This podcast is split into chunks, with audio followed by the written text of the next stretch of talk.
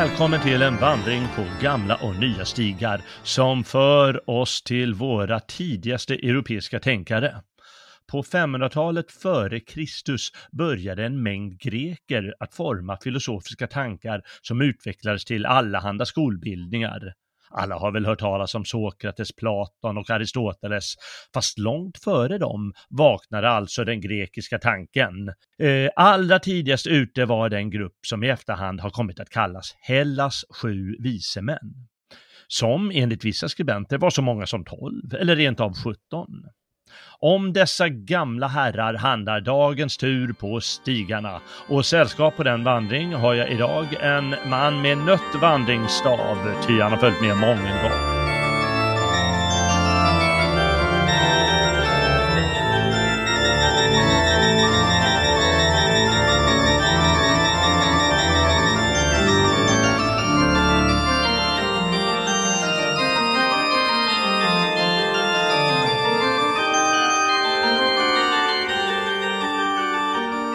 Välkommen Robin!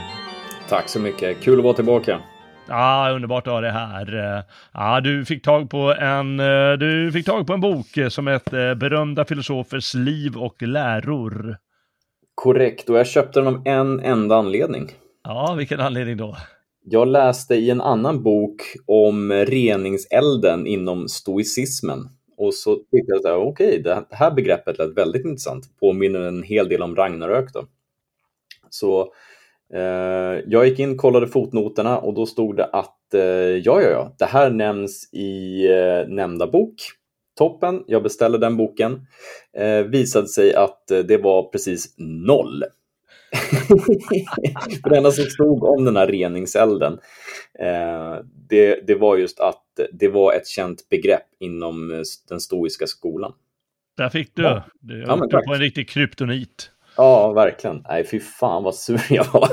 Ja, jag det. och det tog ett tag. Det är en ganska fet bok där ändå. Alltså. Att, ja, ja, ja, ja. Det här, den, den, här, den heter ju Berömda filosofers liv och läror och skriven av en eh, gubbe som hette Diogenes Laertius på omkring år 200 eller början av 200-talet efter Kristus. Långt, mm. långt före eh, de flesta av de filosofer han tar upp eh, levde. Och det är ju liksom han går ju bara igenom dem alla, han försöker lägga dem på plats och säga, det är deras liv också, liksom varifrån var de och var, under vilka sammanhang levde de mm. och, och sen lite om deras läror.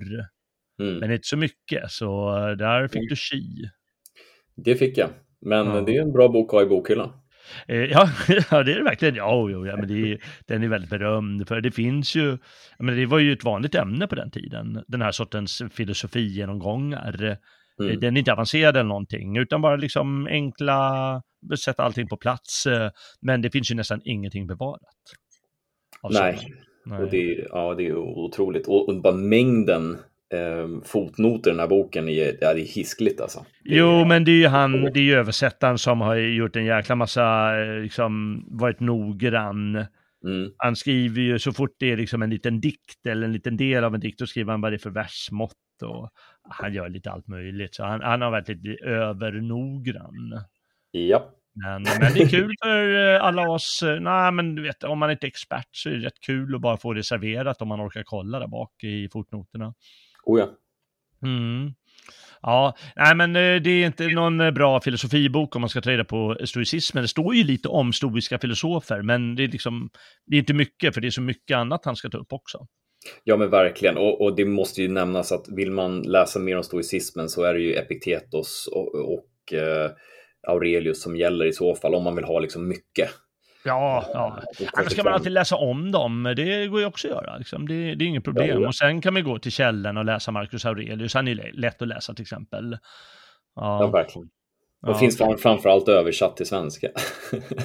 ja, precis. Ja. Eh, och man behöver inte bara tycka om stoikerna, utan det finns ju andra filosofiska skolor som är, är roliga och intressanta och så vidare. Mm, mm. fast mm. sämre. Ja, smaksak. Eh, inte riktigt. Vi har ju pratat om den här killen Plutarkos Jo, det är sant. Eh, och eh, han är nog, han är mer platonist än stoiker. Och mm. han skulle nog kritisera den stoiska filosofin när det gäller moralen, för de vill ju utesluta känslor och mer att man ska liksom eh, med ett förnuft komma fram till någonting. Men Mm. han tycker att känslorna är viktiga när det gäller moraliska sammanhang, bara som ett exempel. Jo, men Plutark. Plutarkos är ju mycket av eh, det svenska begreppet lagom i det mesta, tycker jag. Ja, han är ganska liksom, popularisator och eh, inte, så ex- nej, inte så extrem, utan mer lagom kan man säga. Mm. Mm. Mm. Nej, det finns många sätt att se på saker och ting och man ska ju klart för sig en sak under antiken som faktiskt är roligt. Det var att de här skolorna, de låg ju inte i krig med varandra, men det var liksom som en tävling. Mm. Eh, även om man var filosof eller poet eller vad det var. Så det var liksom som en tävling ungefär som på i idrottsarenan. Mm. Så man, man liksom verkligen försökte tänka till och komma fram till något jävligt häftigt eh, bara för att eh, utmärka sig gentemot alla andra. Ja. Ja. I alla fall, han har ett kapitel i början av boken och det handlar om de han kallar sju vise. Och det är liksom legendariska figurer i den grekiska eh, traditionen kan man kalla. Det är liksom till och med före filosoferna själva nästan. Mm. Eh, och ja, det, det är kul med det här med att de är sju, för det finns ju liknande i andra sammanhang. Det finns i Kina till exempel de sju vise i Bambulunden. Mhm. Och det är sju tänkare, så här, jag tror det är hundratalet före Kristus eller efter Kristus, jag kommer inte ihåg exakt. Eh, och det finns ju liksom de sju underverken och ja, det finns säkert flera sådana saker man kan hitta. Ja, men säkert. Ja. Mm. Och eh, jag tänkte, vi, jag tyckte det var väldigt roligt när du sa det här, men kan vi inte göra något med den här boken, Diogenes Laertius? Eh, jag tyckte det var jätteroligt. Eh, och då tyckte jag det var svårt att välja, vad ska man välja av allt det här? För man kan inte ta alltihop.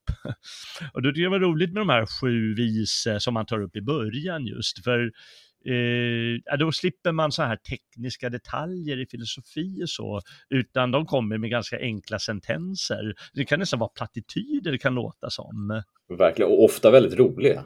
Ja, liksom roliga ändå. Några av dem är vä- väldigt tänkvärda. Och Mm. eh, det är ganska roligt att ta upp sånt och, och säga, ja, men vad, kan, vad, han, vad vill han säga med det? Eller varför är det förnuftigt? Eller varför är det lite si eller så? Mm. Så det var en bra idé tycker jag. Jag är en källa av bra idéer, precis som du är en källa av visdom. Oj, en källa av visdom. Oj, oj, oj. Här får vi smekande ord.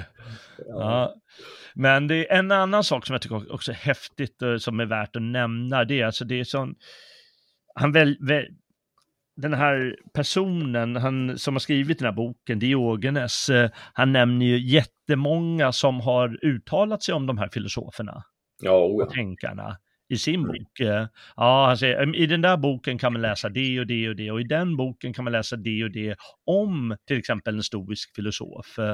Mm. Och även när man går längre tillbaka i tiden, du vet omkring 600 före Kristus, vi har ju nästan ingenting bevarat av, Mm. det, det är liksom lite poesi vi har, och sen så är det vad man anser att någon har sagt eller ibland någon inskription ja, på någon sten någonstans som anses vara tillskrivet till exempel Thales, en av Mm. de här personerna. Men det är väldigt många, de nämner trots allt väldigt många personer. Eh, och det betyder att redan tidigt hade grekerna en oerhört stark tanketradition.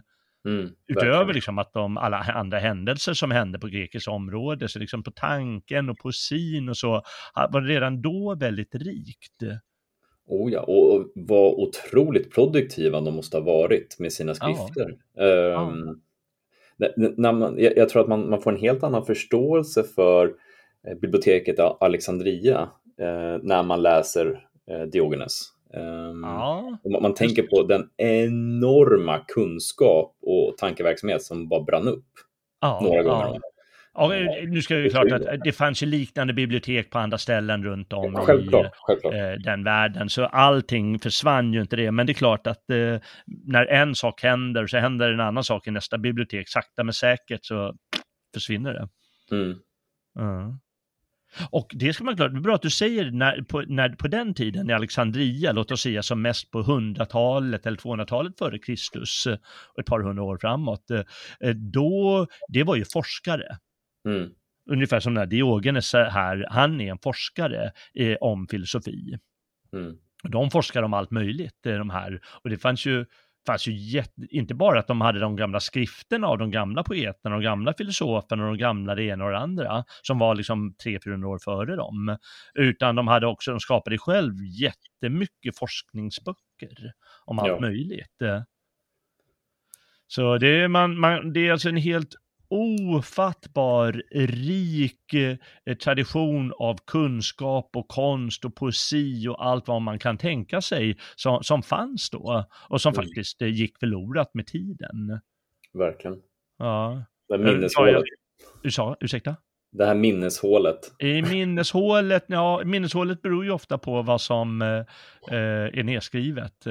Och grekerna kring år 600 eller 500, de var mycket medvetna om det. De hade en skeptisk inställning till skrift. Mm. De tyckte det var något skumt med det där med skrift. Liksom någon ersättning för vårt naturliga tal. Det är något stört med det. Men de, de, var, på, de var på det klara att den har en fantastisk fördel och det är att jag har möjlighet att överleva. Mm. För mina ord kommer gå förlorade när vi bara pratar. Men om det är nedskrivet, då finns det en större chans att det, att det går till historien. Och det betyder ju allt för de här grekerna. Ja. Att gå till historien. Och det gjorde ju många av dem. Ja, det gjorde många, men det var ju så störd tanke hos dem att det var ju till och med en, en sån här dåre som brände ner Artemis-templet i Efesos ja, bara för att få gå till historien. Ja. Han blev ju torterad och alltihop till döds efteråt. Men han tyckte det var värt det. Ja, gisses. Nej, fullständigt galet. Det fanns Men i alla fall, en... även då. Vad sa du? Det fanns dårpippis även då. Även då. Det har alltid funnits. Tillhör mänskligheten eh, på något sätt. Eh, men i alla fall en rik och intressant kultur.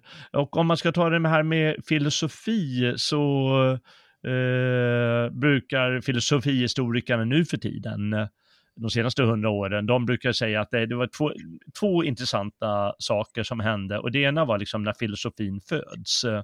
Mm. Och det säger de att eh, eh, innan hade man mytologiska förklaringar, hur, hur världen uppstår och varför krafterna är formade som de är. Ja, men eh, blixten den går när Zeus dundrar eller, eller när Tor rider på himlen eller sånt. Mm. Mm. Och då är det en mytologisk förklaring och istället så kommer man med förnuftigare förklaringar till varför krafterna verkar som de gör. Ja. Ett exempel kunde vara den här Thales eh, som vi kommer att prata om, bland annat, eh, som är en av de här sju vise. Alltså mm. allting består i grund och botten av vatten. Mm. Och då är den filosofiska tanken, allting är varianter av vatten. Kan jag förstå vattnets substans, då kan jag förstå allting annat. Mm.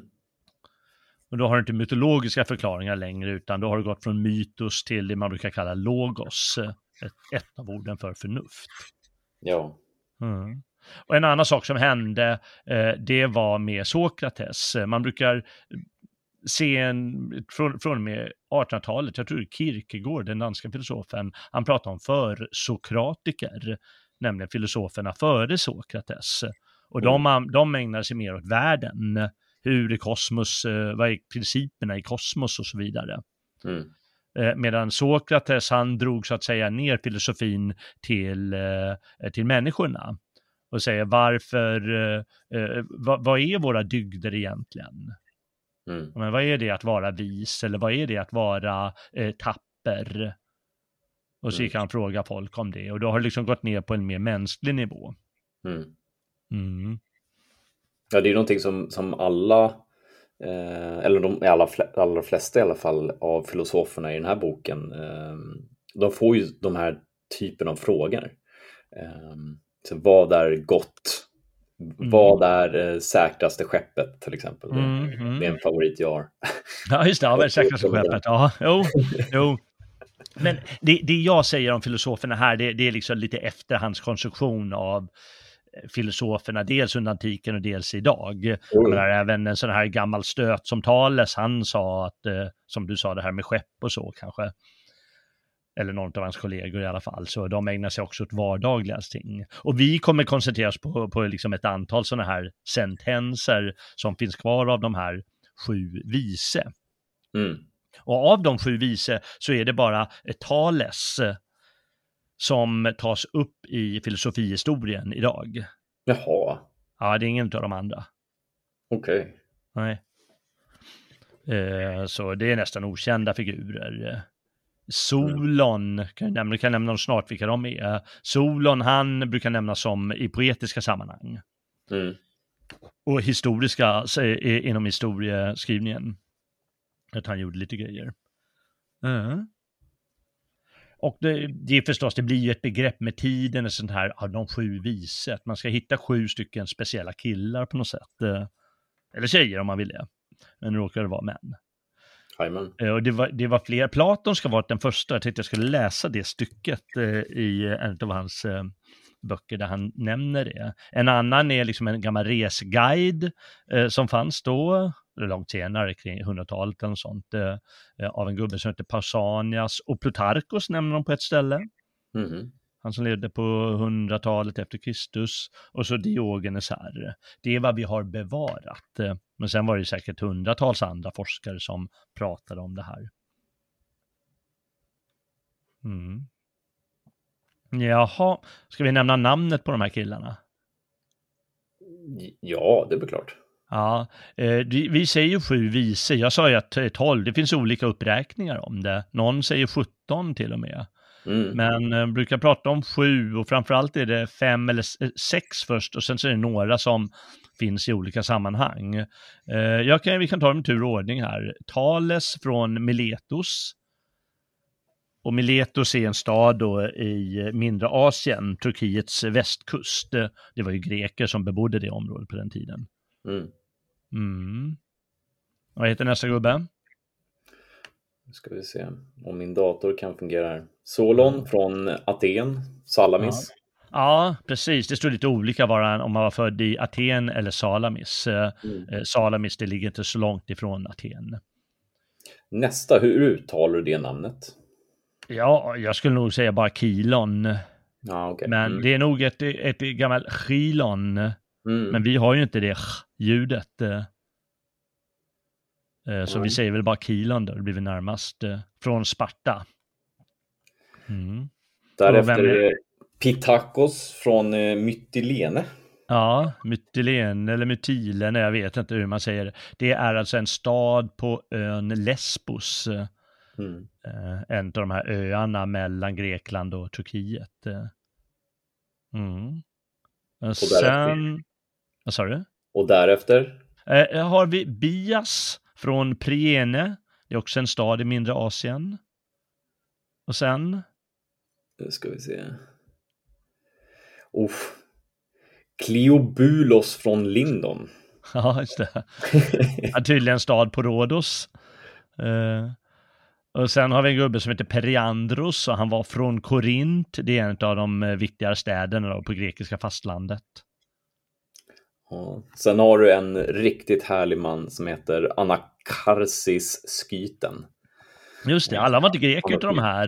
Det är flera stycken som de spekulerar och han kanske inte var grek utan kanske var fenisisk härkomst, Thales är det någon som säger. Och den här, han var tydligen skyt. Mm. Eh, av, de, av det skytiska folket alltså. Men flyttade och levde bland eh, atenarna framförallt ett tag. Mm. Mm. Sen har vi alltså någon som heter Myson från Kenai. Och då tror man att det ligger i Lakonien och det är området som spartanerna eh, levde på.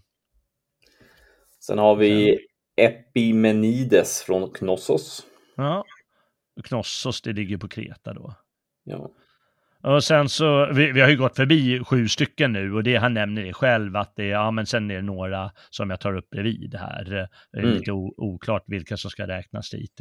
Sist av dem, eh, den här Diogenes eh, tar upp, han heter Ferikydes. Och är från Syros och det är också en ö bland de här Kykladerna, det vill säga öarna eh, i Egeiska havet. Mm. Mm. Eh, och eh, då menar han att de här personerna, eh, de sa en, ja, de, de kom inte med liksom fulla filosofiska läror, utan traditionen har låtit dem säga intressanta saker. Mm. Och ofta är det bara en mening. Och då lägger Platon fram det ganska intressant det där tycker jag. Jag tänkte jag kan läsa lite just där det nämns då första gången om de sju vise. Gärna. Eh, och det är hans, eh, det kallas ju dialoger eftersom det är folk som pratar. Det är så han framställer sin lära genom folk som pratar och dialogen heter Protagoras här. Jag ska läsa det, jag läser det här en och en halv sida ungefär, för jag tyckte det var så kul att läsa eh, hela det stycket från början.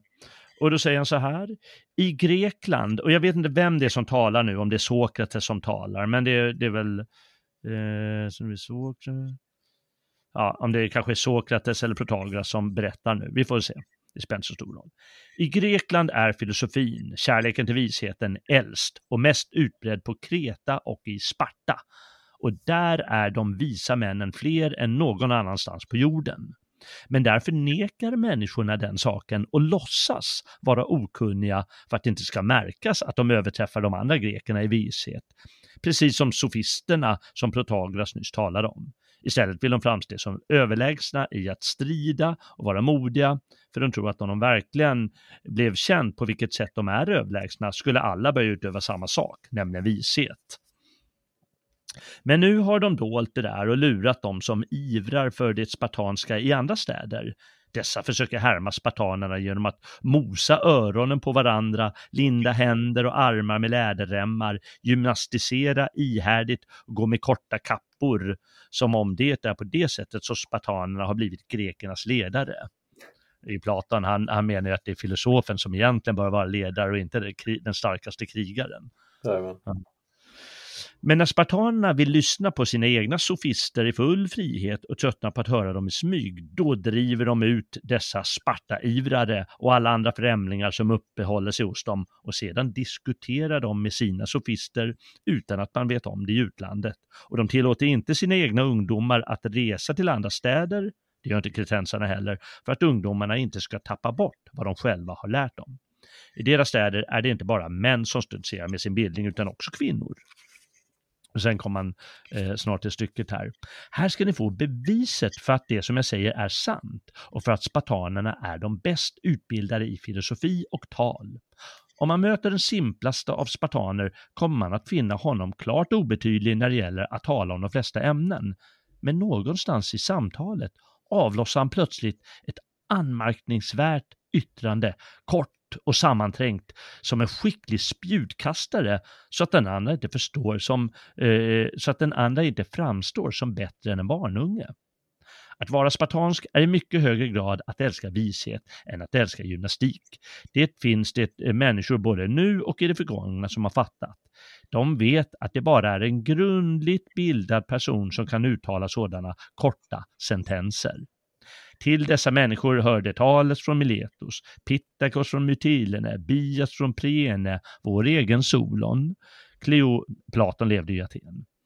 Kleobulus från Lindos och Myson från Kenai och som den sjunde nämndes spartanen Kilon. Alla dessa var anhängare och berundrare och lärjungar till spartanernas bildning och att deras vishet var av det här slaget framgår av de minnesvärda korta sentenser som var och en av dem har uttalat. De samlades också i Apollos tempel i Delphi och offrade där sin visdom i främsta frukter genom att skriva ”Känn dig själv” och inget i övermått satser som är i var, var mans mun. Varför säger jag detta? Därför att detta var de gamla sätt att bedriva filosofi, spartanska lakonismer. Och ordet lakonism använder vi fortfarande för en sån här korthuggen sentens. Mm. Uh, just det. Och sen behöver vi inte läsa mer. Uh, det är spännande att han uh, säger det där, tycker jag, i sin lilla dialog att eh, det är den största visheten och det komma med så här små slagkraftiga sentenser. Ja. men, ja, men man får ju lite Havamal-vibbar av det här, eller hur? Ja, verkligen. Och sen när man också läser den här historien om de här sju vise så mm. är det ju anmärkningsvärt många som är eh, tyranner, krigare och eh, män som har en, en fysisk pondus, män som har tränat och som är stolta ja. över det. Eh, ja. och som har inkorporerat det i filosofin. Eh, Just det. Så att ehm, det, det, det, är inte förvånansvärt egentligen när man, drar, när man tänker lite längre. Eh, mm. Men det är ändå otroligt eh, häftigt. Måste säga. Mm. Ja. Det är ju det är, det är ungefär, när, när, när, du läser Havamal så är det ju, det är ju ganska enkla tankar, men du fattar att det är någon smart som har tänkt ut dem och liksom fått en korthuggen så de blir som klarast.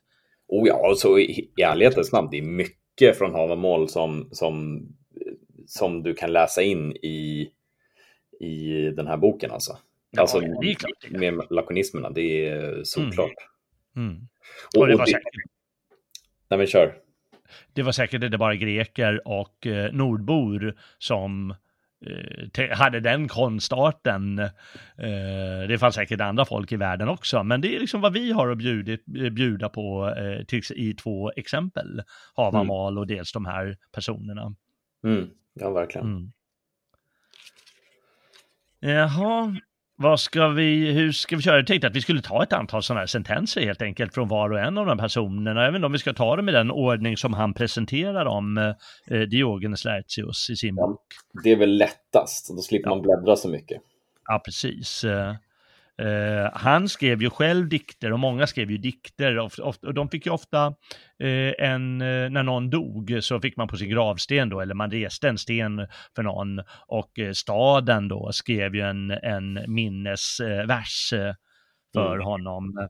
Så det finns en massa sånt bevarat och han skrev ju själv lite sådana grejer, den här Diogenes. Ja. Tänkte, här är i alla fall på hans gravtales från Miletus som levde då eh, kring år 600 kanske.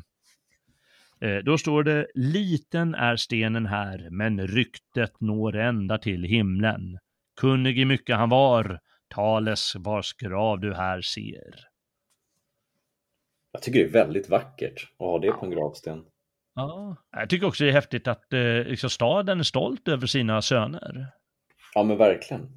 Och en som är berömd då, då liksom, han ska ha ett särskilt litet eh, monument eller särskild gravsten då som, som staden ligger bakom. Ja. Mm. Han ska jag... vara... Ja. Ursäkta, så... ja fortsätt du. Nej, jag tänkte direkt hoppa på en till här.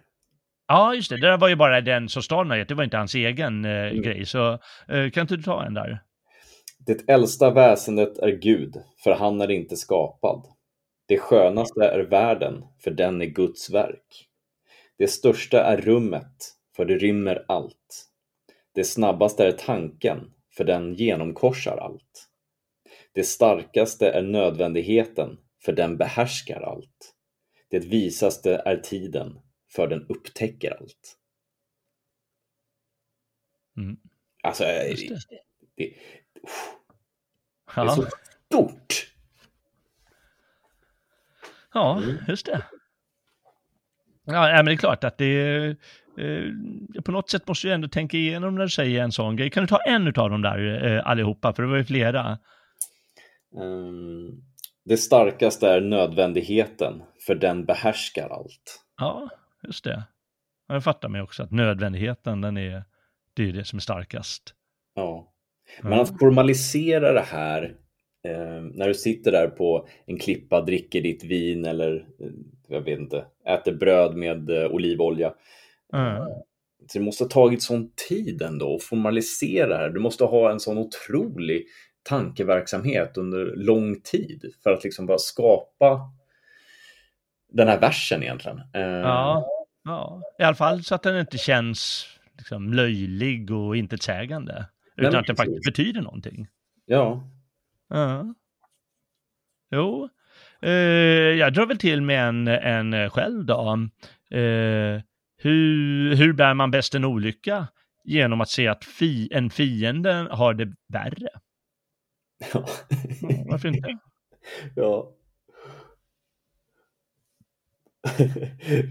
han, han, sa ju att döden inte på något sätt skiljer sig från livet. Mm. Och då frågade någon så här, varför dör du inte då? så svarade han, för att det inte gör någon skillnad. ja, just det. svar på tal här. Jag måste säga att motfrågan var ju ganska smart av den här andra killen, men sen så liksom svaret igen är rätt bra. Ja. Mm, mm. Det är underbart.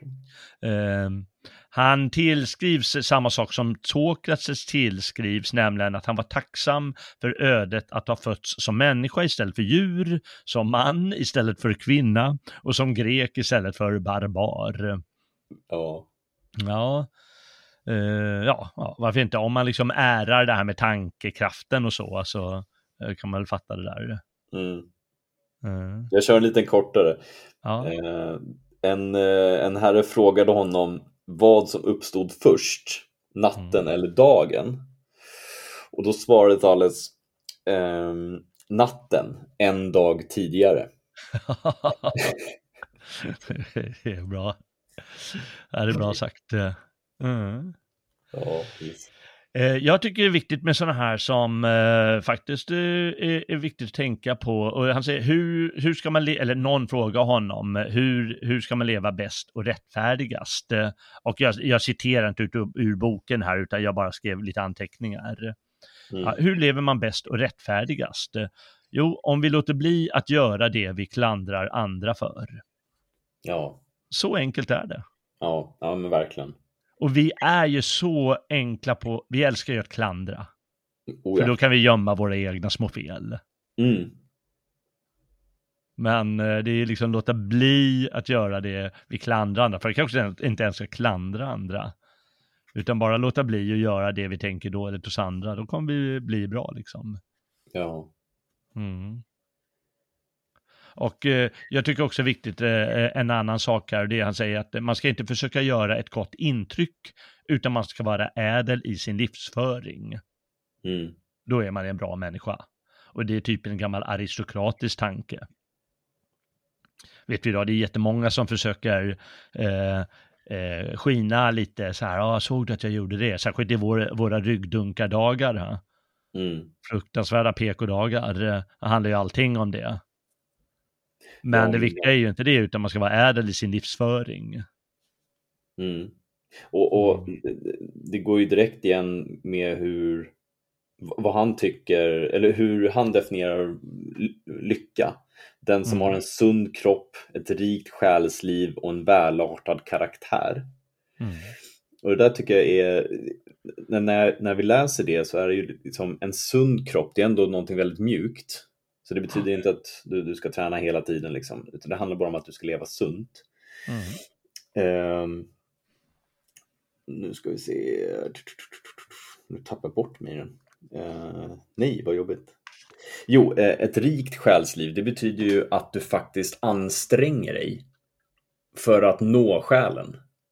Att du lär dig att mm. förstå dig själv och det kräver ju någonting. Det kräver ju ett offer. Va? Mm. Uh, och det andra handlar ju mer om att man bara ska, att, alltså, att man ska sköta sig, att man ska rätta sig eh, mm. utefter dygderna. Just det. Alltså, jag tycker det är, det är väldigt slagkraftigt för att vara så enkelt ändå. Ja, verkligen. Ja, men det är det. Eh, men, men ligger väldigt mycket i det. Jag menar, grekerna, det, det genomsyrade hela deras eh, eh, liv kan man säga. Det var ju så viktigt att de hade det som den mottot för mm som Platon sa där i Delphi.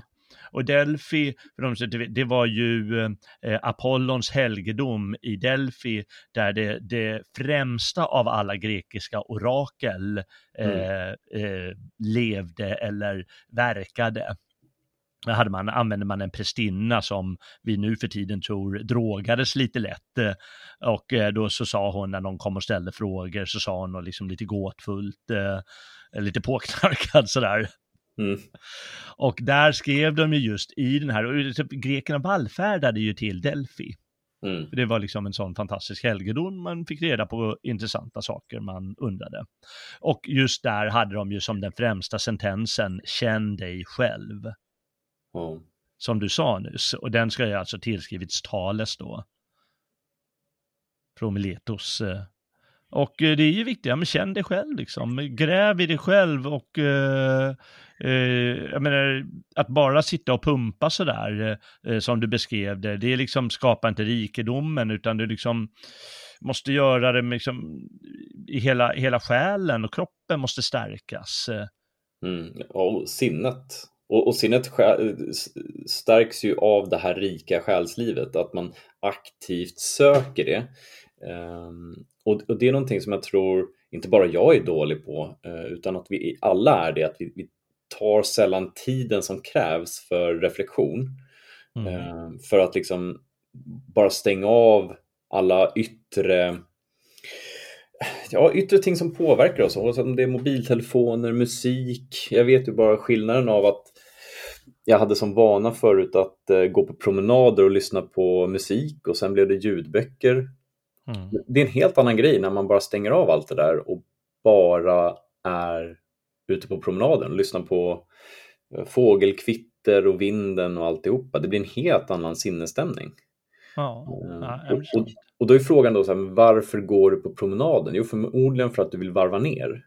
Mm det gör du ju inte när du lyssnar på en ljudbok eller någonting sånt där. Det blir, det blir inte alls samma typ av, av lugn. Mm. Så jag, jag, tror att tystnad, eh, framförallt från dessa visa män, är ju någonting som förordas. Eh, men jag, jag, tror att vi har blivit extremt dåliga på det i det här samhället där vi hela tiden är uppkopplade. Ehm. Ja, är det självklart. Ja, när det dödar så längden eh, eh, internet och hela tiden tillgång till information eller en form av njutning som du sa med musik eller någon som berättar historier för dig i hörlurarna eller vad, vad, vad du vill. Mm. Ja, nej, skär, skärmarna kommer ju döda oss. Skärmarna och hörlurarna. Jag tror det. I alla fall, de kommer ju se till att vi får ett eh, fattigare själsliv i alla fall. Ja, ja, eh, antagligen. I alla fall om man ska utgå från Thales från Miletos. Jajamän. ja. Ja, eh, nej men det, det, det är viktiga grejer eh, och vi ska väl se, de andra fyller ju i, de är inte direkt sämre ska man säga, de, eh, de, det blir väl en tio andra ungefär, för jag tror att vi har elva namn här på listan. Mm. Eftersom det är några som spekulerar, sex säkra ibland och sen så är det några som av olika personer klassas. Eh, eh, och den andra i vår eh, lista här, det var alltså Solon från, vi säger att Solon från Aten. Mm. vi kan ju säga att han spekulerar lite, att, eller inte spekulerar, han skriver vad, vad olika personer anser att den här personen kommer ifrån. Och så vad som står i olika böcker. Så han är mm. liksom källkritiker kan man säga, på, på sätt och vis, den här Diogenes. Oh. Mm. Och Solon från Aten, han är ju känd eh, eh, framför allt för sin, att han var lagstiftare i Aten. Mm. Det var flera av de här herrarna som var lagstiftare. Och eh, framför allt så förordade han eh, den här svåra skuldavskrivningen som fanns i många sådana här eh, stadsstater eh, Solon. Eh, och det hade ju gått så långt med att folk, eh, de hade blivit tvungen att eh, för att betala sina skulder helt enkelt betala med, sin, med sig själv, så att de mm. blev slavar. För att kunna betala av sina skulder. Mm. och eh, då sa han, det här måste vi skriva av, för annars kommer vår stat gå under. Mm. Och det är klart att för att hamna all rikedom hos några få som utnyttjar alla andra människor och då kommer de många förstås att slå ihjäl de, de få eller något sånt. Eh, staten kommer bara gå sönder av sig själv så småningom. Mm. Och eh, då gjorde han eh, det. Och det ska man tänka, jag har skrivit det här att det, ja, men det är vad som kommer hända i Sverige. Det är vad som händer, liksom de här tar World Economic Forums eh, eh, föreställningar. Ja, men mm. alla ska vara eh, vad heter det, alla ska hyra bilar. Mm. Det betyder att det är några som ska äga bilarna. Ja, det är staten och storföretagarna. Precis. Oligarkerna. oligarkerna. Det är de ryska oligarkerna. ja, det är vad, vad sossarna och World Economic Forum har för mål. Uh, ja. Naja, det, det lyckades han skriva av i alla fall, och, och, lite andra lagar. Han var demokratiförespråkare också, och det var ju olika i de här olika staterna. Vissa hade demokrati, andra hade oligarki, vissa hade då aristokrati, kallar de det för. Mm. Samtidigt, lika bra att säga det nu, att eh, alla de här stadsstaterna som man pratar om, eh, det var alltså, de hade folkförsamlingar. Så mm. folket bestämde oavsett om det var en aristokrati eller demokrati eller något tredje. Det var inte bara eh, demokratier där folket bestämde. Utan det fanns eh, så att fanns folkförsamlingar i alla sådana stater. Men eh, ibland så var det en tyrann som tog makten. Mm. Och ibland gjorde han det just för att eh, åtgärda det här med gäldslaveriet. Eh, alltså det behövde inte vara negativt att vara en, posit- eh, vara en tyrann, men oftast ansåg grekerna det som något ytterst förkastligt. Eh, För han Mm. gör sig herre över alla, över hela folket. Och då blir folket som slavar, det är så de har i Österns länder. Mm. Där är det liksom en härskare som är, är, är härskare över alla undersåtar. Då är de andra bara undersåtar. Medan grekerna såg sig själva som fria män. Mm. Mm. Nåväl. Eh, Solon var, ja, men det var en viktig grej han, han gjorde i Aten. Och eh, väldigt, väldigt känd är eh, vad han frågar Croesus, eh, som är mer känd under kung, som kung Krösus. Mhm. Och, och det var ju en kung i, eh, jag tror, Lydien, Mm. eller någon annan sån stat, eh, inte en sån grekisk stadsstat, utan någon annan, något annat land i mindre Asien där eh, i Turkiet. Eh, och då frågade, Krösus var väldigt stolt över sin rikedom, att han var kung och alltihopa. Han- Då frågade Krösus honom, eh, vem anser du lycklig, hörru eh, Solon? Och då tänker Solon efter lite, ja men vänta, jag har, jag har några killar här, eh, Atenaren Tellos. Ja, och sen en annan atenare, han heter Kleobis. Och vet du, en, en tredje kille kommer jag ihåg nu. Eh, han heter eh, Biton. Och då säger eh, Croesus, eller tänker, och, sen säger inte historien mer. Men då är förstås tanken att Croesus står och tänker, "Ma- ja, vad är det för nissar? De har jag aldrig hört talas om. De, är, är de berömda eller har de plats eller? Nej, men den ena killen han är snickare vet du, och den andra han är fiskare. Och den tredje han är skulpturhuggare. Och Krösus, men, men vad snackar de om? och då förstår svaret att eh, ja, men det, är inte, det är inte ditt utseende, det är inte din rikedom, det är inte ditt palats, det är inte din härskartitel som gör dig lycklig. Nej, nej, verkligen. Utan ja, en vanlig, vanlig nisse, liksom en sån här glad alkis. Jag kan tänka liksom en utslagen jävel som inte har ett hem eller något sånt. Ja, det kan väl lika gärna vara han som är lycklig. Ja, vad roligt. ja. Han är ganska intressanta, alltså i och med att han är lagman, så det är väldigt intressanta straff han har kommit på också. Om Ja. en ämbetsman påträffas drucken ska han straffas med döden. ja, jävlar vad hård. Ja, Wow. oj, oj, oj. Jo, just Vad har det. hänt mer då? Han säger angående något liknande där att en mans heder är pålitligare än hans ed. Mm. liksom pålitligheten, den, den kommer liksom från din ära, din karaktär. Inte att du svär en ed. Mm. Det är liksom kraftigare. Och det är också en sån aristokratisk tanke hur du adlar dig själv. Mm. Så tänker jag i alla fall.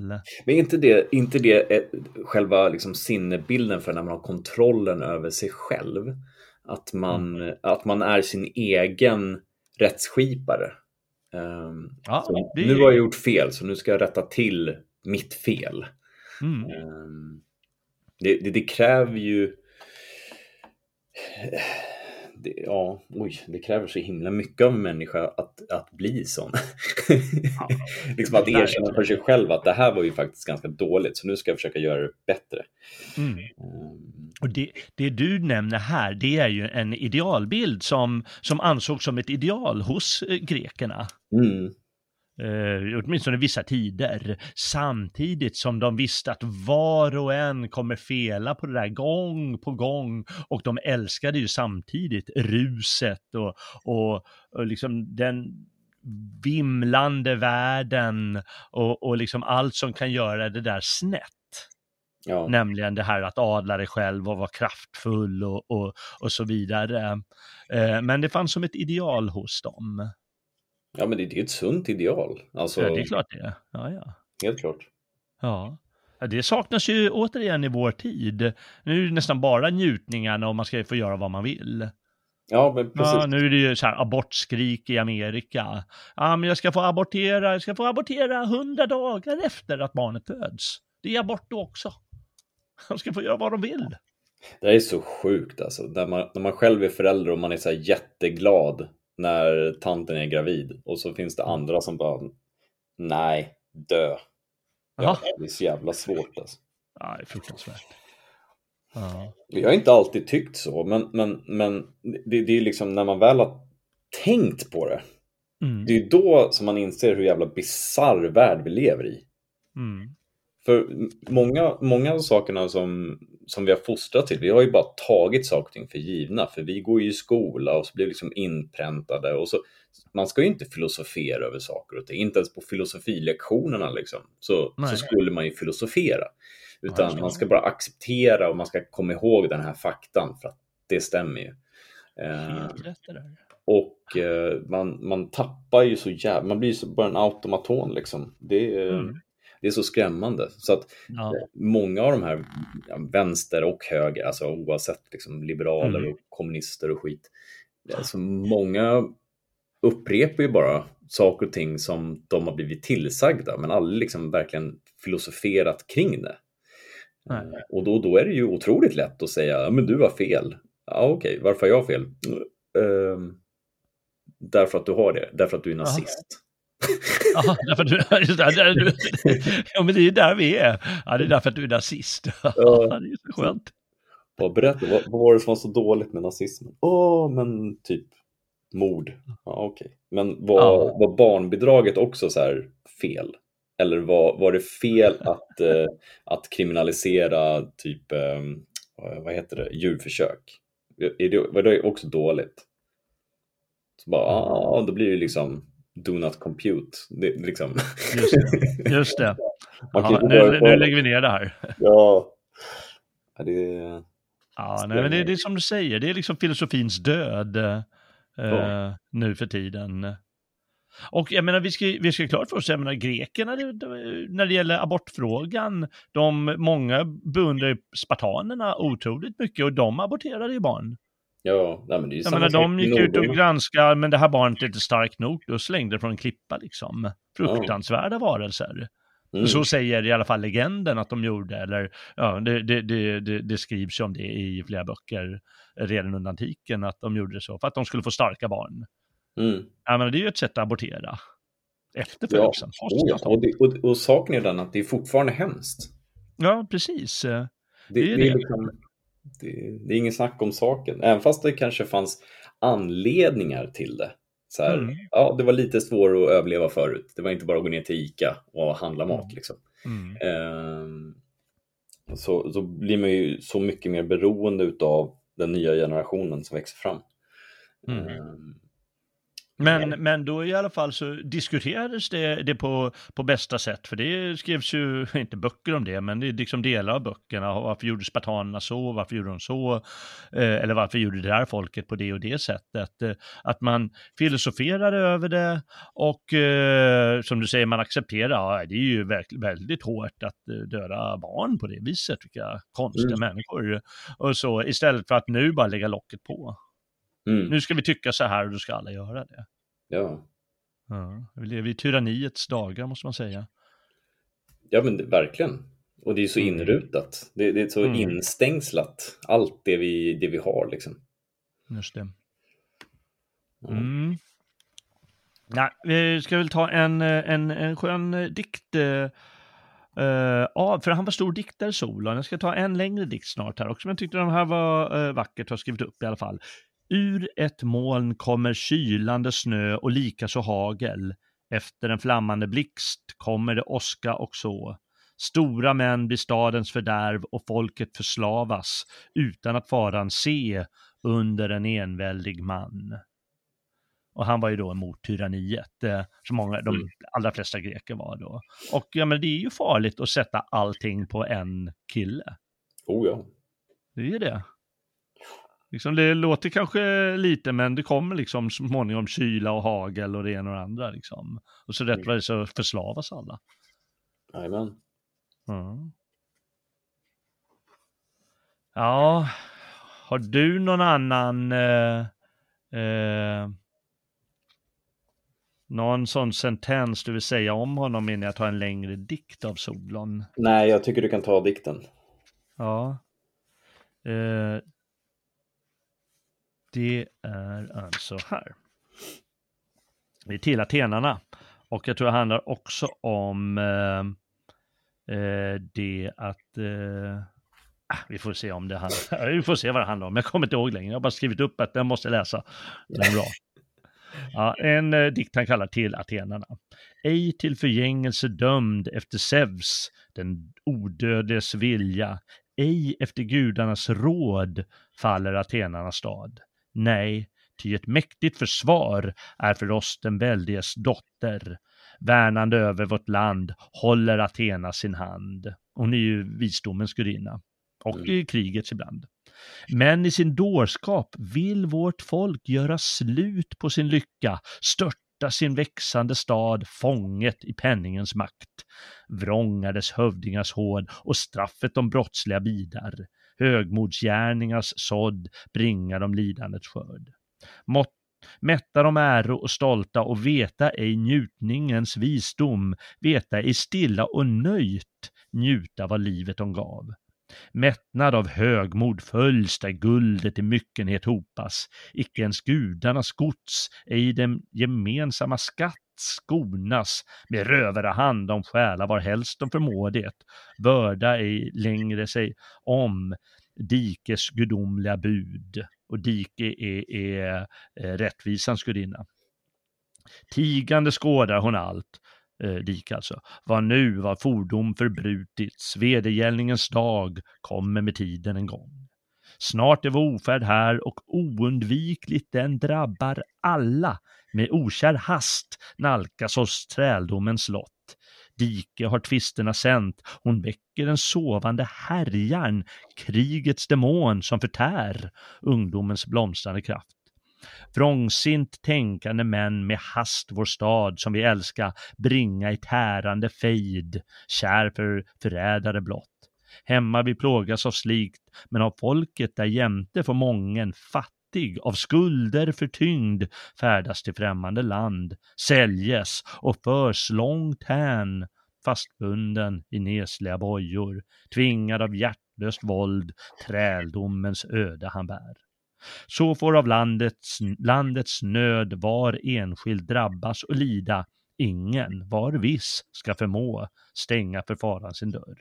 Icke ett stängsel det finns för högt för fördärvets demoner, ej ett gemak så fördolt att du kan trygga dig där. Och så är det lite kvar här. Detta mig bjuder en röst att jag ska tala, eh, att jag skall för atenarna tala, hur ett laglöst folk mycket får lida och svårt Lydnad för lagar och rätt ger skönhet och ordning och lycka. Binder i bojor och band blott den det orätta gör.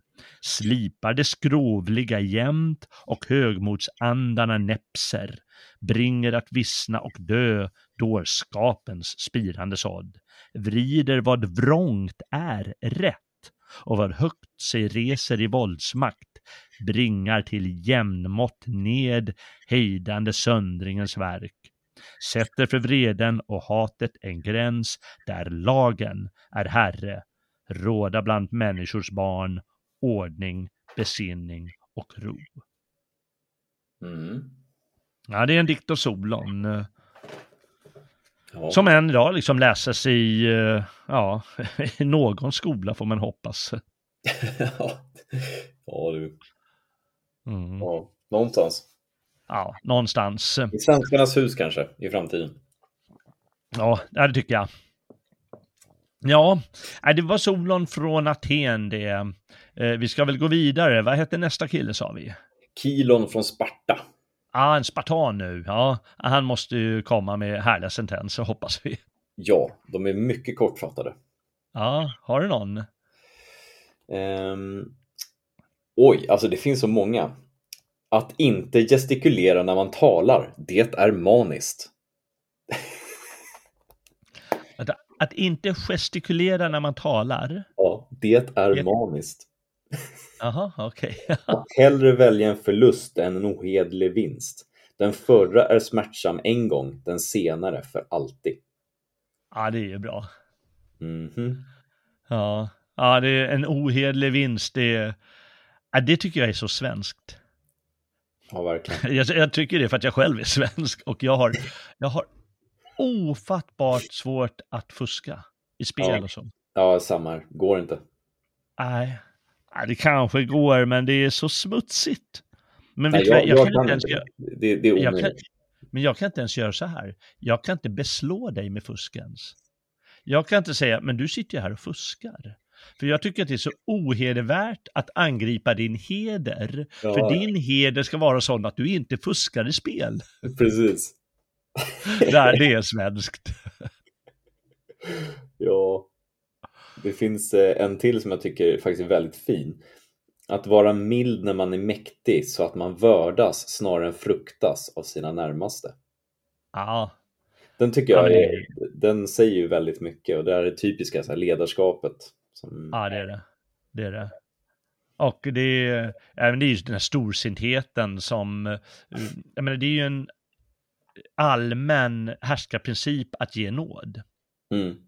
Att det, det, har ju alla härskare, ja men nu går vi, nu, det fanns ju till och med, man, gjorde inte turnéer, men kungen var på så här Eriksgata eller på någon viktig eh, rundgång i riket och då passade han på överallt i varje stad han kom att benåda ett visst antal människor. Mm. Liksom bara för att man ska vara mild och storsint när man är mäktig. Mm. Ja, Det, det, det, finns, det finns en sång som jag tycker också, eh, du kanske kan hjälpa mig med att uttyda den lite grann. Eh, Mm. Med, med proberstenen prövas guldet och ger ett klart besked. Guldet visar sinnelaget hos goda och dåliga män. Vet du vad proberstenen är för något? eh, det är den som utmärker någonting. Mhm. Jag tycker hur som helst att det, det är väldigt intressant att guldet visar sinnelaget hos goda och dåliga män. Ja. och det är ju verkligen sant, för vad gör man då med det här guldet? Antingen så gör man någonting gott med det, eller så gör man det, någonting dåligt med det. Ja, precis. Och då- probestenen, eh, alltså probestenen, den visar ju liksom guldhalten. Mm. Alltså mm. hur bra är det om du kan använda guldet eller liksom att den, den, den det är som att den prövar, prövar dig. Mm. Probestenen. Och det, ja, men det är helt rätt du säger. Den visar liksom vad är ditt förhållande till guld. Ja. Åh, jag måste ha allting. Ja. Eller kan jag, ja men vad bra, den har en liten grej, den kan jag göra en fin liten staty av eller liksom. Ja. Eller skapa ett, ett smycke och ge till någon annan, göra någon annan glad. Eller kan man investera i någon annan? Kan man, kan man vara god med det eller kan man vara sniken och snål? Ja, exakt. Ja, det är verkligen probestenen, det är guldet.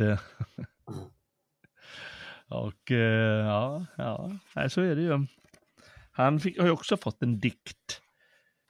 Eh, hans staty har följande inskrift, eh, står det. Jag vet inte om det står i Sparta eller, eh, det fanns ju på många så här tävlingsställen, där reste man ju statyer över folk eh, i de här Olympia och Delphi och olika ställen där man höll sådana här stora olympiska speltävlingar.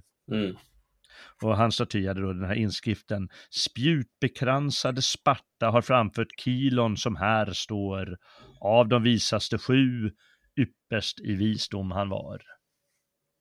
Mm. Ja, kanske han var. Han säger ju till exempel att man ska besöka vänner när de har råkat ut för en olycka eh, hellre än när det gått dem väl. Ja, det är ju så sant. Ja, det är helt sant, ja, precis. Det är då när någon vinner på Lotto, åh, ska vi gå hem till honom, vad roligt, bjuda honom på fest, va? Man ska ju gå hem till dem som har råkat ut för en olycka istället. Ja. Och förära dem ett besök. Jag tycker han dog så himla intressant också. Jaha, hur dog han då? Han hälsade sin son som seger i boxning och dog alltså av ett övermått av glädje och hög ålder. ja. ja, det är också ett sätt att dö på. Ja. Låter ju episkt. Ja, ja, herregud. Ja, vi hastar väl vidare till eh, eh, nästa person och det var alltså den här som hette Pittakos Mm. från Mytilene. Eh, och eh, det är ro, ro, roligt för här fanns det fanns ju två stor, en kända poeter, två kända poeter, eh, Sappho och, ja nu har jag tappat bort det andra namnet men eh, nej, jag hittar inte det där heller. Men någonting hette han i alla fall. Jag har några böcker med, med, med dikter, eller diktdelar. Det finns mm. inte så mycket bevarat. Och de blev förvisade från staden och hatade väl antagligen honom och andra tyranner överallt än. Men han ska ha gjort staden bra i, i sitt tyrannvälde. Sen la han ner tyranniet när det var bra i staden. Jaha. Ja, ja den, den är bra. ja, det är ju det är inte dåligt. Det är klart att han räknas till de sju vise när han gör en sån grej. De flesta vill ju bara, ja ah, men du ska fortsätta vara kung. Ja. Mm. Han fick ju en, ett stycke mark som han helgade åt gudarna också. Men ja, du ser. Så Sokrates säger att han styckade av en liten bit och sade att hälften är mer än det hela. Mm. Att, ehm, ja, det här var onekligen en givmild man. Ja, verkligen. Mm. Ja, han sa, där, där, har vi en sån här, det nämns i någon av de här böckerna att det, eh, det är så simpel mening, det är svårt att vara en bra människa. Ja. ja. Eller en variant av det, det är svårt att bli en verkligt dugande man. Mm. Och jag säger ofta att eh, duglighet, eh, att du duger till någonting, det visar att du är moraliskt bra. För då är det liksom, duga är ju samma ord som dygd, det har ju mm. samma stam. Och betyder det att det här moraliska har någonting med hur duglig du är till att göra vissa saker. Mm. Och det vet ju alla, det är inte lätt att eh, bli bra på någonting. Nej, verkligen. Nej. Då brukar jag alltid tänka att ja, men det bästa för människor det är liksom att men man, man hittar ett yrke som man är bra på, så ägnar man sig, liksom, bemästrar man det bra. Och då kan man alltid falla tillbaka på det. Ja, men jag är duktig på det här. Eller mm. det kan vara någonting du gör hemma. Liksom. Jag är duktig på att ta hand om barnen. Mm. Det är bara så. Jag har talang för det. Uh, jag är duktig på att spela musik va, och göra folk glada med det. Ja. Då, har du, liksom, då är du moraliskt bra. Om mm. du liksom, ägnar dig åt det och, och, och är verksam med det. Då fyller man sitt syfte. Och man kan mm. nästan säga då att det är ett gudagivet syfte, för då är du duktig på någonting och så tycker du om att mm. göra det. Verkar mm. konstigt att göra någonting annat. Eh, jag skulle gå in på en lag som han stiftade. Ja, förra. Eh, om en berusad begår ett brott ska straffet bli dubbelt. Detta för att förhindra dryckenskap. Eh, och det här, det här är faktiskt otroligt intressant för att jag håller med. Jag tycker mm. att om man medvetet har försatt sig själv i ett tillstånd av att man inte har kontroll så borde ju straffet bli hårdare om du väl begår ett brott. Mm. Och inte som idag att, ja ah, okej, okay, du var lite knäpp i skallen så att, uh, ja, nej, det var ju synd. Just det, det är förmildrande omständigheter nu. Precis. Det borde verkligen vara tvärtom. Ja, alltså verkligen. Mm. För att du har ändå, du har ändå gjort dig själv eh, ja du har ju försatt dig själv i situationen där du tappar kontroll. Och ja, ja. när du tappar kontroll, ja då händer det dåliga saker. Både ja. med dig själv och eventuellt andra. Då. Så att, det är självklart att du ska straffas hårdare. Ja, men om man, om man gör något korkat då, då får, då får man lite skylla sig själv. Jag menar, fyllan har väl sin plats eh, i, i alla, eh, alla möjliga tillfällen, men eh, jag menar, om du börjar bli ett svin då och gör något oförlåtligt, ja då ska det ju vara riktigt rökt. Ja, ja men jag tycker det. Det är som rattfylleri liksom. Ja, precis. Ja. Ja, om du dödar någon eh, med eh, fordon för att du är full, det blir ju ofta så här vållande till annans död och sådär, men det borde ju bli mord på en gång. Ja, faktiskt. Ja, nej, men du har jäkla sagt det där med överlagdhet. Det, det, finns något som trumfar det och det är fyllan. Ja. Ska man fan straffas hårdare istället? Bra sagt. Ja, men det är väl ganska rimligt. Alltså det, det är liksom... Eh, på samma sätt som att jag, jag, tycker inte det är, det, jag tycker inte det är moraliskt fel om du är liksom, i, i ett drömsamhälle då, där alla människor är beväpnade. Eh, mm. och, alltså, jag, jag, ser inga problem alls med att eh, du har liksom tillgång till vapen för att skydda dig själv och din egendom. Mm. Men om du använder vapnet för att du är full, då, då, då måste du ju liksom dömas till det strängaste straffet, för då har du liksom utnyttjat någonting när du har, när du har tappat kontroll. Det är mm. samma sak med det här med att slå någon bara för att du har blivit kränkt eller någonting sånt där. Eh, mm. Det, jag, jag, tror inte på det konceptet, utan snarare så tror jag att man hade fått ett otroligt mycket trevligare samhälle om man hade sagt att bra, då utmanar dig på duell och vi ses ja, om en vecka. Ja. Då hade ju människor Nej. slutat bete sig som skit, tror jag. Ja, ja faktiskt. Nej, men det ligger mycket i det du säger. Mm. Ja. ja, men det är bra tank. Eh, Pittakos, där har ni er man. jag är så jävla hård och elak. ja, Okänslig. Ja, men liksom, eh, kanske ska, vi, vi lever ju i ett, eh, ett, ett, ett mjäksamhälle, va? så det kanske behöver hårdnas lite, härdas lite. Mm. Ja, men det tror jag. Framförallt ta, ta ansvar för konsekvenserna av sina handlingar. Ja, precis, där har du det. Där har du det. Är det verkligen så? Vi behöver kloka lagstiftare som Pittakos eh, hos oss. Ehm. Och han säger ju faktiskt att ehm, en viktig sak när det gäller det här med styre och, och, och, och göra och så vidare. Eh, det låter också som en plattityd, men Platon har gjort en hel filosofi av det och det är att det är kloka mäns sak att förutse svårigheter medan det är de modiga sak att hantera dem mm. när, väl, äh, när de väl inträffar. Mm. Svårigheterna. Ja. Var och en på sin plats och göra det bästa. Mm. Verkligen. Ja. Man måste ha både och, va? för eh, kloka man han kan ju förutse svårigheterna och då kan man försöka förhindra dem. Men de kommer ju inträffa någon gång och då måste vi ha eh, krigaren som kan hantera dem på rätt mm. sätt. Eh, eller de modiga. Mm. Brandmannen till exempel. Ja. Mm. Det är djupt, även fast man, alltså, det låter ju så rimligt när man bara hör det sådär, men det är, det är verkligen djupt ändå. Ja, och Platon han bygger sin filosofi, eh, eller han, sin dialog staten på, mm. på sådana här saker. Mm. Som gör en hel filosofi av det. Mm, häftigt. Jaha, har du något mer av honom eller ska vi hasta vidare till vår gode vän Bias från Priene? Ja, det kan vi väl göra. Vi fortsätter till Bias. Mm. Bias, vissa får säga Tobias kanske. Får man? Nej, det får man inte. Eh, då ska vi se, här har vi en dikt igen. Eh, och eh, då ska vi se om jag hittar rätt. Eh, jag läser två stycken för jag vet inte vilka jag menar. Eh, på, på hans gravskrift skulle man, kunde man tydligen läsa det här. Född i Prienes frejdade bygd var Bias som vilar här under denna sten, Joniens prydnad han var. Ja, och Diogenes han är en stolt poet, så han skriver att även jag har skrivit följande.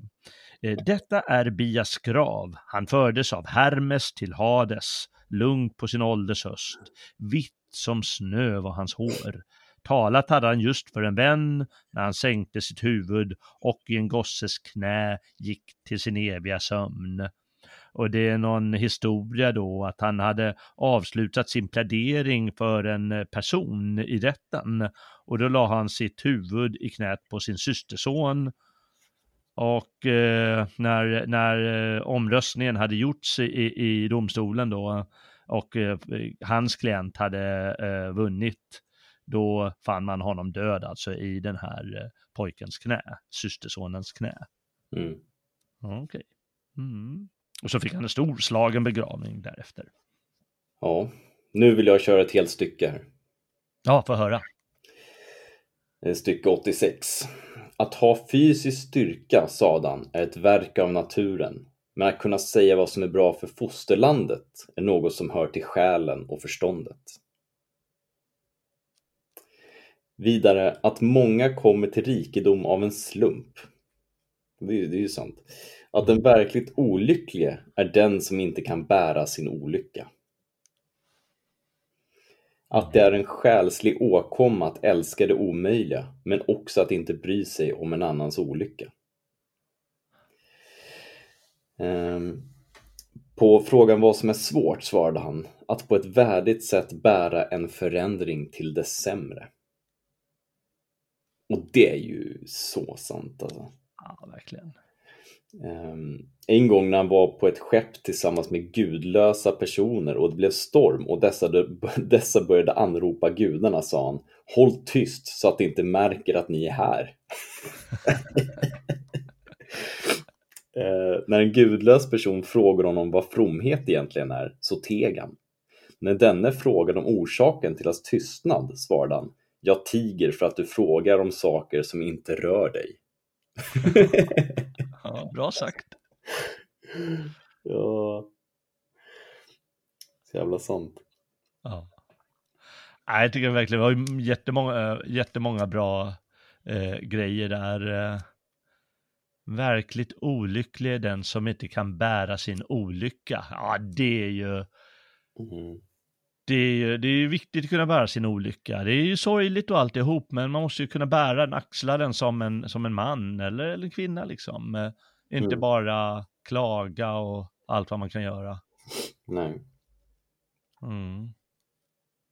Och vad var det du sa verkligen till? Det var det här att på ett värdigt sätt bära en förändring till det sämre. Mm. Just det. Vad är svårt? Just det, det är det. Jag menar, det, det kan ju hända en olycka liksom. Och då måste man bära det värdigt. Ja, och det, det är så svårt. Ja, det är det.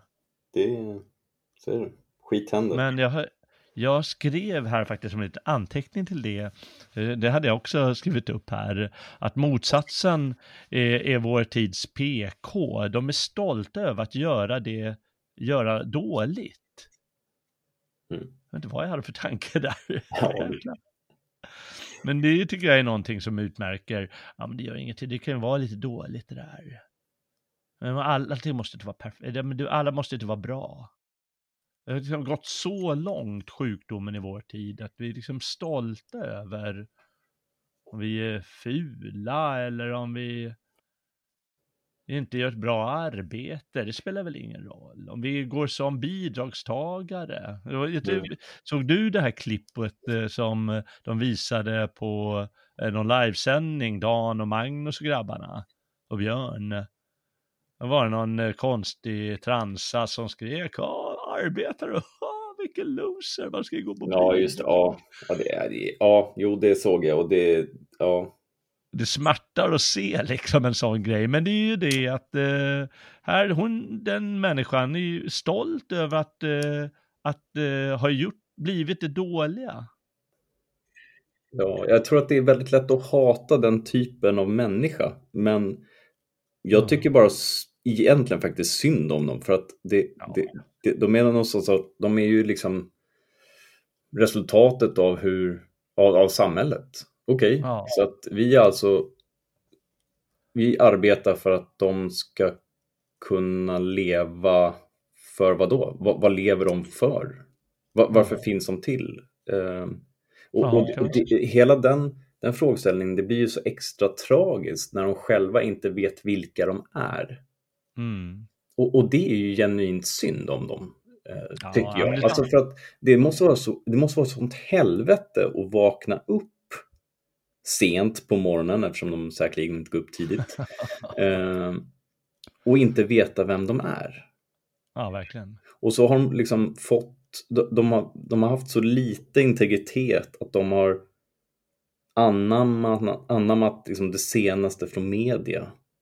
Mm. Åh, nu är jag den här.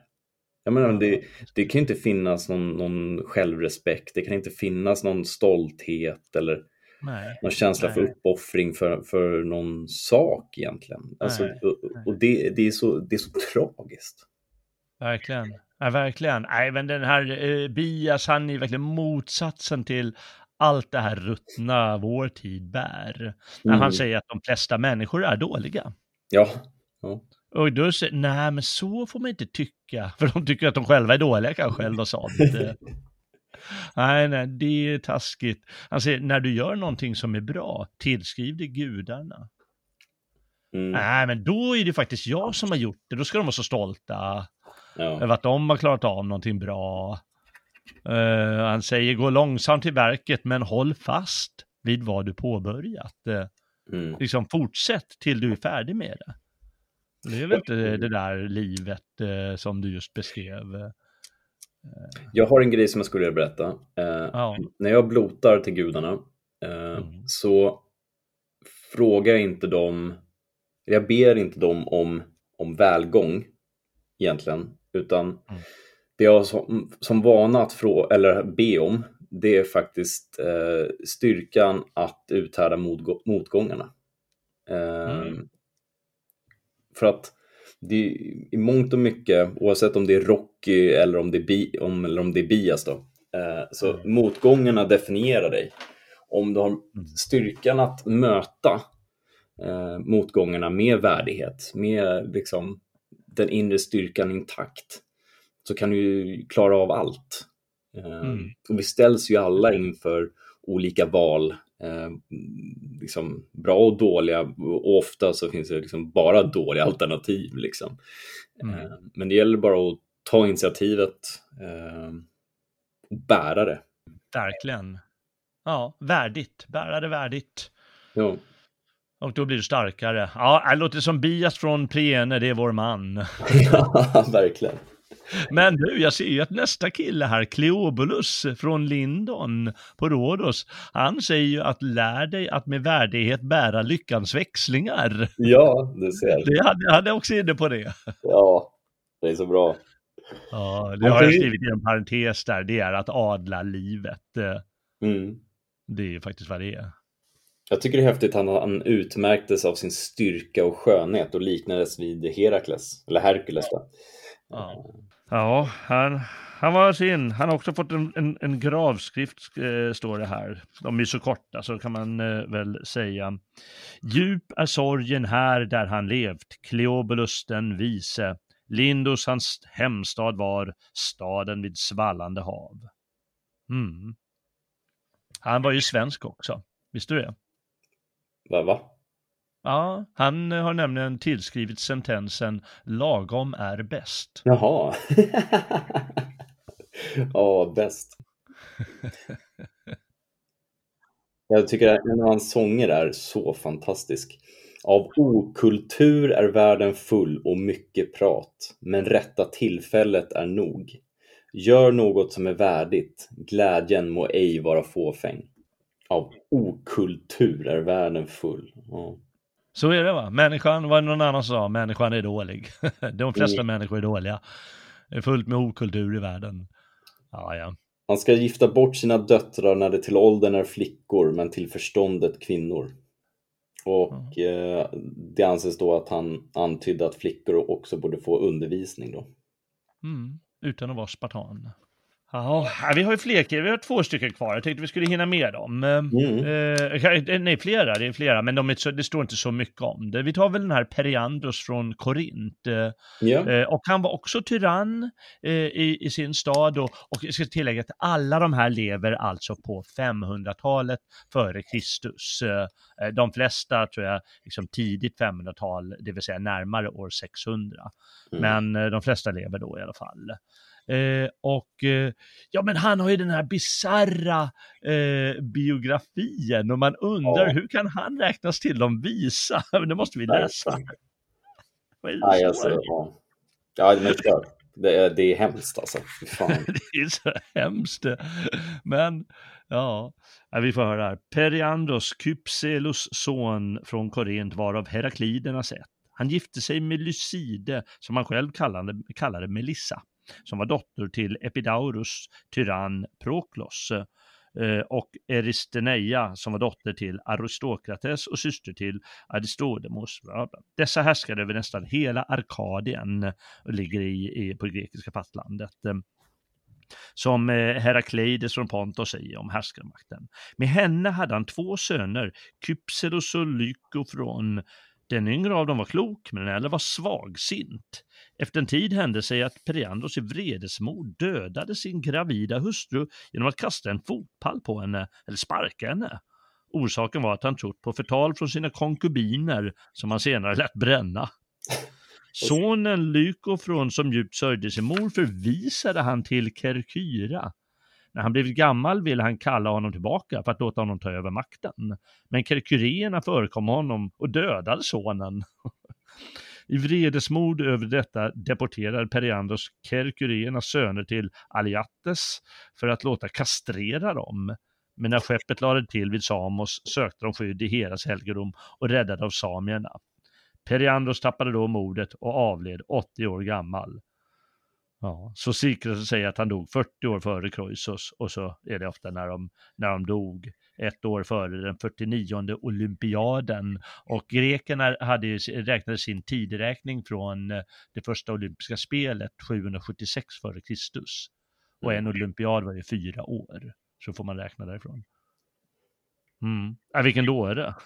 ja, eh, och det är så roligt när, när han har skrivit sådana saker Ja, en sak som är rolig, han tillfrågades varför han var tyrann och då sa han för att det är farligt både att avgå frivilligt och att avsättas. Ja, ja just det. Men, men han, han sa ju bland annat att lugn är en god sak, dristighet är riskabelt. Man bara, ja okej. Okay. Mm. rimmar kanske inte riktigt med... med, med honom själv, nej verkligen inte. Ja. Vissa har ju så här lite legendariska, legendaktiga biografier. Det här är ju långt, långt tillbaka i tiden. Mm. lite tillspetsade många av de här historierna. Men han skrev en bra sak också. Njutningen är förgängliga men ärebetygelserna odödliga. Ja. ja, det känner vi alla igen. Det är ju så sant det kan bli. Ja, njutningarna. Ärebetygelser, det är det man ska söka. Hur, hur låter den i av, Havamal? Åh, vilken vill du ta upp? Nej, men det är ju en likadan där att eh, en, en sak dör aldrig, ryktet över död man. Ja. Det är ju två verser, men ja, absolut. Och eh, hade grekerna sin variant här. Men ja, ja han... Mm. Oden känns mer rimlig än vad, vad han är. Ja. ja. Men han, han, visste väl ändå vad det här tyrannvälde innebar. Den som mm. vill uppnå ett säkert tyrannvälde, säger han, måste ha medborgarnas välvilja, inte vapen som livvakt. Mm. Och om det är liksom så i staten så att du kan bli tyrann och kanske tar tyranniet eh, för att liksom vända staten till det bättre. Och han skapade tydligen mycket välstånd och framgång för Korint. Ja, det måste liksom vara på, på medborgarnas, med deras välvilja. Istället för vapen som du liksom tuktar dem med. Mm. För då är det inte ett bra tyrannvälde utan ja, måste ändå ha medborgarnas väl.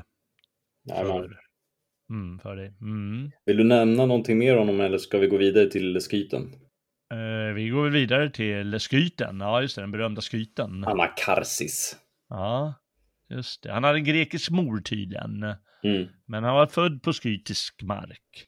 Mm. Men flyttade alltså till Aten en gång. Uh, tydligen bästa vän med Solon. Ja, just det. Han var, just det, han var bästa vän med Solon där. Mm, just det.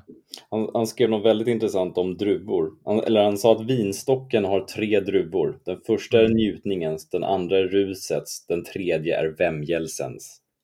Det känner vi allt för väl. Ja. ja. När han fick frågan hur man kunde undvika att bli alltför begiven på vin svarade han om man alltid har det berusades ovärdiga beteende för ögonen. Ah, just det. Ja. När man ser det här, det här vi körde i, i någon livesändning där vid Svenskarnas hus, mm. den här eh, ryska gruvfyllot. Ja, just När man har dem för ögonen, då vet man. Då, då, då, då, står man och håller i glaset så här, ja men nu ska jag faktiskt smutta på det här. Ja. Ja, han säger en bra sak. Det är bättre att ha en värdefull vän än många värdelösa. ja, det är så jävla sant. Ja, det är verkligen sant. Det kan man tänka på i dessa Facebook-tider. Kommer du ihåg det liksom när folk skulle tävla? Ah, jag har liksom 378 kompisar på Facebook alltså. Ja, men jag har 1036. Jaha, ja, viktigt. Jag har 1488. Nej, jag har inga vänner. Just det. Ja. Vad tycker han, var det Anna Karsi eh, som var lite skraj för att åka till sjöss eller? Eh, ja, jag sitter där och försöker hitta vart fan stycket var någonstans, skriver upp det någonstans. Nu ska vi se. Alltså, Karn gillade inte vin eller båtar alltså. Eh, vilket fartyg är säkrast? Det som är uppdraget på land.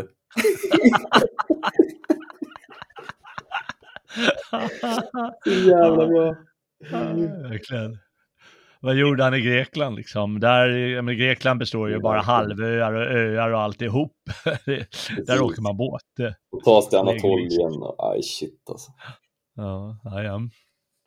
Eh, Ja, nej, han, var, han var väl klok helt enkelt, för det är ju väldigt många, det var ju många som dog på havet på den tiden. Det var ja. ju väldigt vanlig död. Han kallade olivolja för en drog eftersom den verkade framkalla vansinne då atleterna blir rasande mot varandra när de oljar in sig. Ehm, Ja, de gjorde ju sånt, grekerna. ja, han- kanske var liksom före boxning eller sånt. Mm. Ja, precis. Han säger sig också vara förvånad över att helenerna dricker ur små skålar i början av gästabuden men ur stora när de redan fått nog. Ja, just det. Så han är ju mycket inne på det här med guldet också. Mm. Um, är en tidig stoiker där tror jag. Ja, kanske det. Han, han sa ju också, eh, när du tog upp det här med, eh, eh, tyckte det var konstigt med helenerna, med grekerna alltså. De kallar sig själva för helener och sitt land för Hellas. Att eh, han var förvånad över att helenerna stiftade lagar mot dem som begick övervåld. Men hedrade atleter när de slog varandra sönder och samman i boxningsringen och, och den här pankration, sån här brottnings... Ja, ja. ja, jag har ju faktiskt en idé liksom. När han fick frågan vilka som var talrikast, det levande eller, eller det döda, svarade han. Och var placerar du dem som är till sjöss?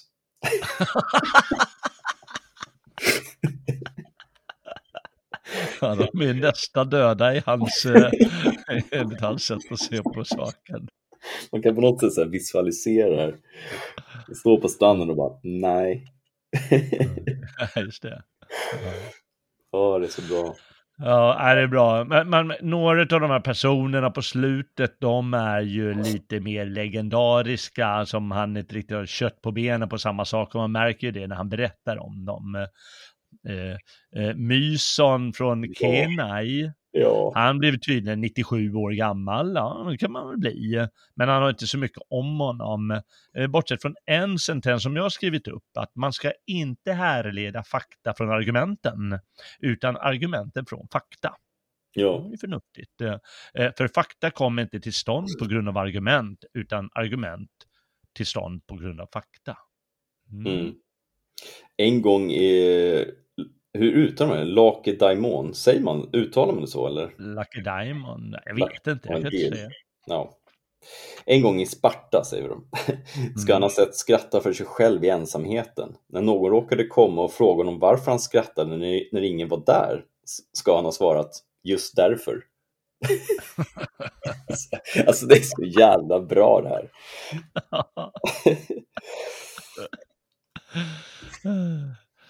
Ja, herregud. Ja. Det är kul med, med de här mer legendariska personerna och eh, vår eh, näst sista person är Epimenides från Knossos. Eh, Han, är, han, han tar väl priset av alla de här. Han ska ju blivit enligt någon 157 år, enligt en annan 299 år gammal och så enligt en tredje 154, enligt olika uppgifter som har getts. Ja. Du måste förklara varför.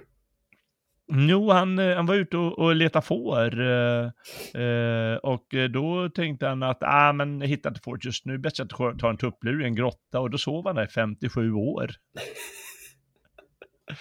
och då ska han komma tillbaka och dividerat och kommit fram till det. Jaha, oj då, jag har sovit i 57 år och då så blev han jättekänd och, och man ansåg att han blev älskad av gudarna. Jag vet inte varför de förknippar det med att vara älskad av gudarna. Men verkligen. Mm. Man har räddade många genom att driva runt vita och svarta får när de drabbades av pesten. Så det är alltid något. Ja, just det. Och då kom han på det ett sätt då att eh, få pesten att upphöra. Han, han ska tydligen ha eh, återfötts flera gånger menar han.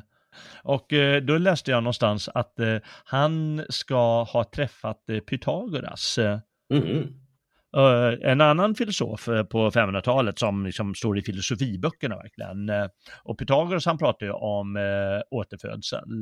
Det är Mm. ingen eh, bara indisk tanke utan eh, det, fanns flera grekiska filosofer som pratar om, om det också. Ja. Platon också på sitt sätt. Eh, och i, särskilt, i synnerhet Pythagoras.